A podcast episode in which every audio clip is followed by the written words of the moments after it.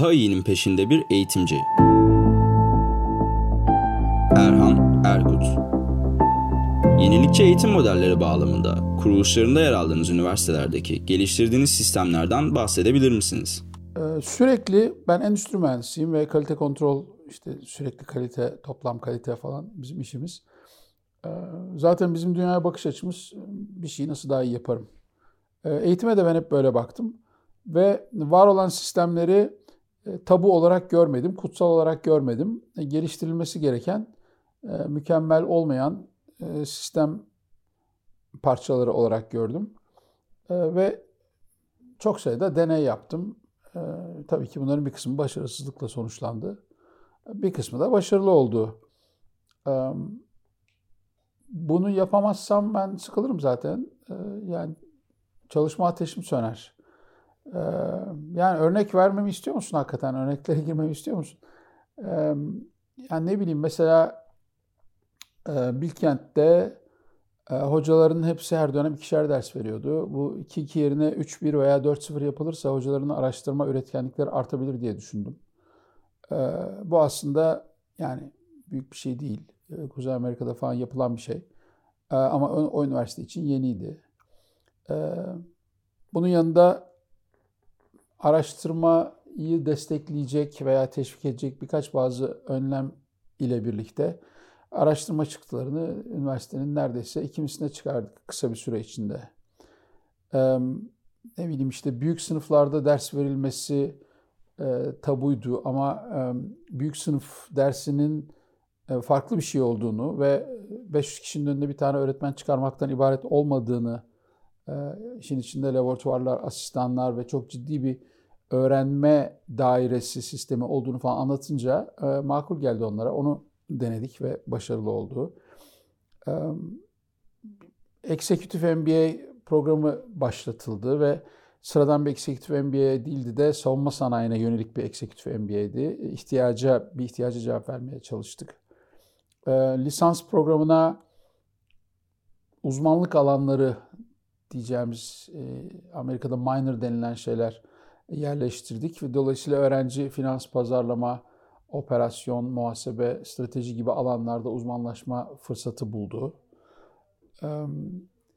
Yani derslerin içinde de e, birçok e, deney söz konusu. Mesela bu, bu dönem burada yaptığım bir şey anlatayım. Ee, öğrencilere eve ödev verirsen kopya çekiyorlar. Ee, sınıfta, laboratuvarda sınav verirsen de ortalama 40 çıkıyor yüzlerinden. E, bu çocukların birlikte çalışmasını sağlamak gerekiyor. Birlikte öğrenmelerini sağlamak gerekiyor. Laboratuvarda ikili sınav verme fikri geldi aklıma. E, tabii konuştuğum hocalar hemen ya sen kopyayı e, yasallaştırıyorsun dediler. Ben de bir deneyelim dedim yani. Bakalım ne olacak? E, işte herkes e, iyi notlar alır dediler ya da e, kötü öğrenciler iyi öğrencilere para verir, onlarla çalışır falan dediler. Bunların hiçbiri olmadı. Ortalama 40'tan 60'a çıktı. Ve şunu gördük ki öğrenciler birbirlerini iyi seçiyorlar. Yani iyi öğrenci daha iyi olmak için yine kendisi gibi başarılı bir öğrenciyi seçiyor. Ve yani ortalamanın 40'tan 60'a çıkması aslında sınıfta o anda gerçek öğrenmenin gerçekleştiğinde ispatı. E bizim amacımız zaten bir şekilde öğretmek. Sınav yani öğrenmenin bir parçası olmalı. E, böyle bir şey denedim mesela ve bence başarılı oldu. Zaten Türkiye'de takım çalışmasının ne kadar geri olduğundan hep e, dem vuruyorum bütün sunumlarımda, konuşmalarımda.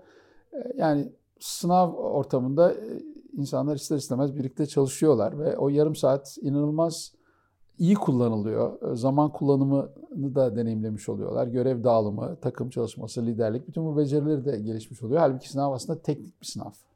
Yani işte işletmeye giriş dersi ama biraz e, mühendislik e, temaları da olan bir ders. Karar destek sistemleri üzerine kurulanmış bir ders. Yani Özyeğin'de çok iddialı işler yapmaya çalıştık. İşte girişimciliği e, üniversiteye sokmaya çalıştık. Hani hocaları nasıl araştırmacı yaparız diyorsun. O ikinci kuşak üniversite. Üçüncü kuşak üniversitede de bunun yanında girişimcileri koyuyor. E, girişimciliği bütün üniversitenin içselleştirmesi ve herkesin bir girişimci gibi düşünmeye başlamasını hedefledik. E, kısmen başarılı olduk. E, işte önce oku sonra öde diye radikal bir sistem e, geliştirmeye çalıştım. Ben yüksek öğretimin finansmanı konusuna epey e, ilginç bulan birisiyim.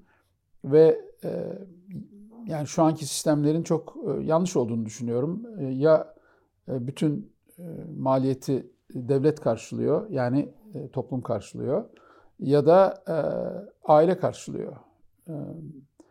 Bunun bir karma modelinin oluşturulması lazım.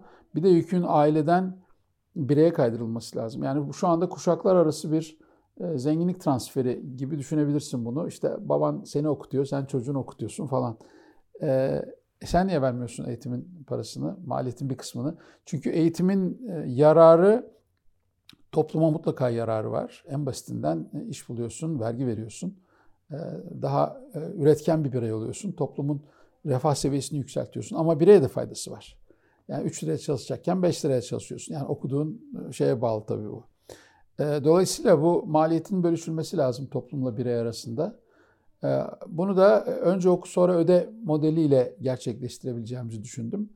Bireyi borçlandırarak eğitim alması ve üniversitede bir de yani başka bir yenilik şu anda sebebini anlamadığım şekilde kaldırdılar ama %75 burs kavramını Türkiye'ye getirdim. 24 ee, bin liraydı açtığımız sene Özyeğin'in ücreti. %75 ee, bursla 6 bin liraya okuyabiliyordun. 6 bin liraya da kredi alabiliyordun üniversiteden. 7 ee, yıl vadeli bir krediydi bu. 2 yılı geri ödemesizdi ve faizi de faiz piyasa faizinin biraz altındaydı.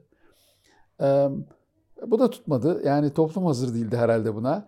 Ama e, birçok şey denedim. Yani ben e, bu şimdi bazı üniversiteler yapıyorlar. Önceden başvuruyorsun falan. Ee, sana işte şu, şu kadar burs veriyoruz falan diyorlar. Yani %35 burs veriyorlar falan her başvuran aşağı yukarı. Bazılarına 40 veriyorlar, bazılarına 50 veriyorlar. Ben bunu da 2008 yılında Özyeğin'i açtığım sene denedim. Ee, ama e, çok ciddi bir iletişim, iletişim kampanyasıyla bunu birleştirmek gerekiyormuş. Ee, yani yaptığım hatalardan bir tanesi iyi bir şey yaptığı zaman hemen herkesin bunu kucaklayacağını varsaymak. Aslında siz de öyle bir işin içindesiniz. Halbuki bunu duyurmak, e, iletişimini sağlamak son derece zor. E, yani proje derslerini e, biraz farklı bir uygulama olarak gösterebilirim. Gerçek bir problem getirip sınıfa öğrencilerin belli bir ücret karşılığında o probleme kendi olanakları ile bir çözüm bulmasını sağlamak. Bu kapsamda Kanada'da bir proje dersi kurgulamıştım. Yani sürekli böyle bir şeyleri nasıl daha iyi yaparız? Mesela yine büyük bir başarısızlık örneği benim için girişimcilik. İki üniversitede girişimcilik yüksek lisansı açtım. İkisi de başarısız oldu. Özyeğin'dekinde model şuydu. Ücret diyelim 20 bin lira. Ama şirketinin %5'ini bize verirsen 4 bin liraya okuyabiliyorsun. Yani 4 bin lira işte ayda 350 lira falan tamam mı? Bir yıllık bir programdı bu. Dolayısıyla herkes girişimcilik okuyabilsin e, kafasıyla çıktık bu yola. İşte ne bileyim 20 tane öğrenci geldi derse bir tanesi ücreti ödedi. Geri kalanların hepsi %5'i verelim 4 bin lira verelim e, yolundan gitti. E, sene sonunda hesaplara bakıldığında tabii bu programın çok az gelir getirdiği çıktı ortaya. Hiç unutmuyorum Hüsnü Bey e, bu ne demişti bana. Hüsnü Bey yani gelir fazla değil ama 18 tane 19 tane şirketin %5'i bizim demiştim. Neyin %5'i hocam anlamadım demişti bana. Şakayla karışık. E, tabii hiçbir şey olmadı. Oradaki konsept bence son derece e, yani e, naif e, ve e, biraz da e, sosyalist diyebileceğim bir konsept. E, herkes e, şirketinin küçük bir parçasını vererek okuyor Sonra o şirketlerden bir tanesi uçuyor. Ee, o şirketten gelen para ile o sınıftaki herkesi finanse etmiş oluyorsunuz. Ee, hangi kimin şirketinin başarılı olacağını bilmiyorsunuz. Dolayısıyla bir nevi sigorta e, gibi düşünebilirsiniz. Böyle bir e, uygulama vardı. E, ben ayrıldıktan sonra maalesef kapatıldı program. Yeteri kadar yani normal ücret isteyince herkesten e, girişimci yani adamın parası olsa zaten girişimine yatıracak. E, eğitime para verecek hali yok. E, yürümedi. Ondan sonra burada bir girişimcilik yüksek lisans programı açmaya çalıştım. E, maliyeti gerçekten e, erişilebilirdi. Program çok erişilebilirdi. Hatırlamıyorum ama 10 bin lira gibi bir maliyeti vardı bundan iki sene önce. Yani yine böyle ayda bin liranın altında tutmaya çalıştım. E, asgari ücretin yarısı falan gibi kafamda bir şey koymuştum. E, fakat yani iki kişi falan kaydoldu. E, onlar da işte askerlik erteleme, ucuza askerlik erteleme isteyen çocuklar. Sorduk piyasaya yani girişimcilere benim önerim bu. Müşteriye sor ne istiyorlar, ürünü geliştir. Hocam dediler biz bütün eğitimi istemiyoruz. Ne istiyorsun? Ben mesela sadece dijital pazarlama kısmını almak istiyorum. Ya da sadece e, ürün piyasa uyumunu nasıl sağlarız kısmıyla ilgiliyim. E, Murat Tortopoğlu ile beraber e, programı 5 parçaya ayırdık. Yani Stanford'daki falan master programlara baktık modüler yapıda. E, buraya uyguladık onu ve öğrencilere dedik ya kardeşim istediğin parçayı al. Tanesi 2000 lira. Beşini de alırsan bir sene sonra sana yüksek lisans diplomanı veririz. İstersen bir tanesini al, istersen üç tanesini al, istersen beşini birden al. Ee, bu da tutmadı. Yani girişimciden e, para karşılığı girişimciye eğitim verme e, modeli e, belki de külliyen yanlış. Ama bunları denemeden e, tutmayacağını bilemezdik. e, denedik ve dediğim gibi yani e, çekmediğin şutlar gol olmaz diye bir güzel lafı vardı Gretzky'nin. Deneyeceksin. E, bir kısmı başarılı oluyor, bir kısmı başarısız oluyor. Başarısızlıklarından da ders alacaksın ve e, anlatmaya da çekinmeyeceksin. Yani bu herhalde benim eğitim hayatında denediğim şeylerin sana beşte birini falan anlattım. Şimdi şu anda aklıma gelenleri anlattım. Belki günün birinde böyle bir kitap yazarız. Bu da sen de bana bir fikir vermiş oldun.